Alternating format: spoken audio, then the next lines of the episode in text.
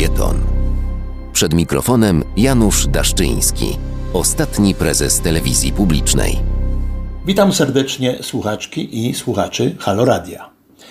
Zapewne Państwo wiedzą, że klasyczny przekaz radiowy czy telewizyjny, realizowany od lat za pomocą nadajników naziemnych czy satelitarnych, zastępowany jest coraz częściej przez tak zwane transmisje streamingowe, a mówiąc prościej, z wykorzystaniem coraz szybszych łączy internetowych.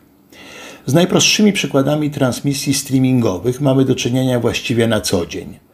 Spójrzmy, jaką gigantyczną popularność zdobyły w czasie pandemii aplikacje konferencyjne typu Zoom czy Microsoft Teams. Już nawet dzieci, pewnie niechętnie, ale cóż począć, posługiwały się podczas zajęć szkolnych techniką bezpośredniego porozumiewania się na odległość. Na marginesie jest pewien wyjątek. Otóż posiedzenia Rady Programowej Telewizji Polskiej odbywają się inaczej za pomocą poczty mailowej. Zapewne dlatego, by uniknąć kłopotliwej dyskusji na żywo. Ale wracając do rzeczy. Teraz, gdy słuchają Państwo, mam nadzieję, mojego felietonu, dociera on do Was także za pomocą internetu, czyli z wykorzystaniem transmisji streamingowej. Zatem Halo Radio jest radiem internetowym, jest więc przykładem przekazu, który zaczyna wypierać wspomniane już wcześniej klasyczne nadawanie naziemne czy satelitarne.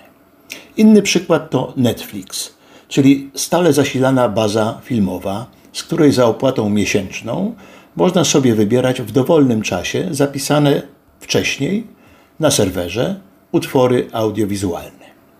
Nie odchodząc od głównego streamingowego tematu, popatrzmy, co się dzieje na globalnym rynku usług audiowizualnych. A dzieje się i dużo, i ciekawie. Jak donosi branżowy i mój ulubiony portal Wirtualne Media, największe koncerny medialne na świecie zaczynają zmieniać swoją strategię dotyczącą oferty telewizyjnej.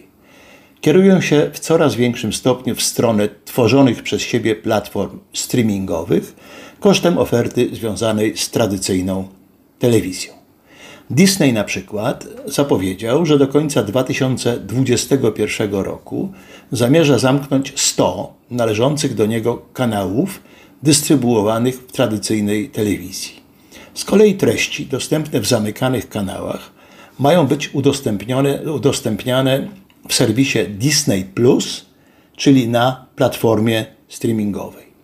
Zatem już niedługo będziemy mieli także na polskim rynku wojnę gigantów streamingowych Netflixa, Disneya i uwaga, połączonych sił Discovery i Warner Media. Bo nową platformę streamingową planuje też utworzyć koncern powstały w wyniku fuzji tych dwóch globalnych firm medialnych. Ale jest jeszcze jeden aspekt wspomnianego przed chwilą połączenia, całkiem polski. Ponieważ powstaje pytanie, co dalej z grupą TVN i jej kanałami telewizyjnymi, które teraz wchodzą w skład Discovery Polska. Znane mi opinie eksperckie wieszczą, że nastąpi wzmocnienie TVN. Tymczasem od ponad roku wlecze się w Krajowej Radzie Radiofonii i Telewizji postępowanie o przedłużenie koncesji dla TVN24, która wygasa pod koniec września bieżącego roku.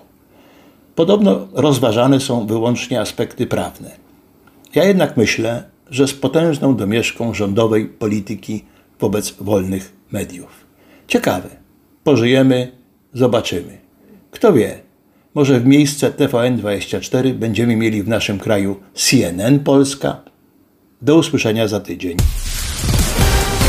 Na www.haloradio ukośnik SOS wspieraj niezależne Halo Radio, które mówi wszystko. www.halo.radio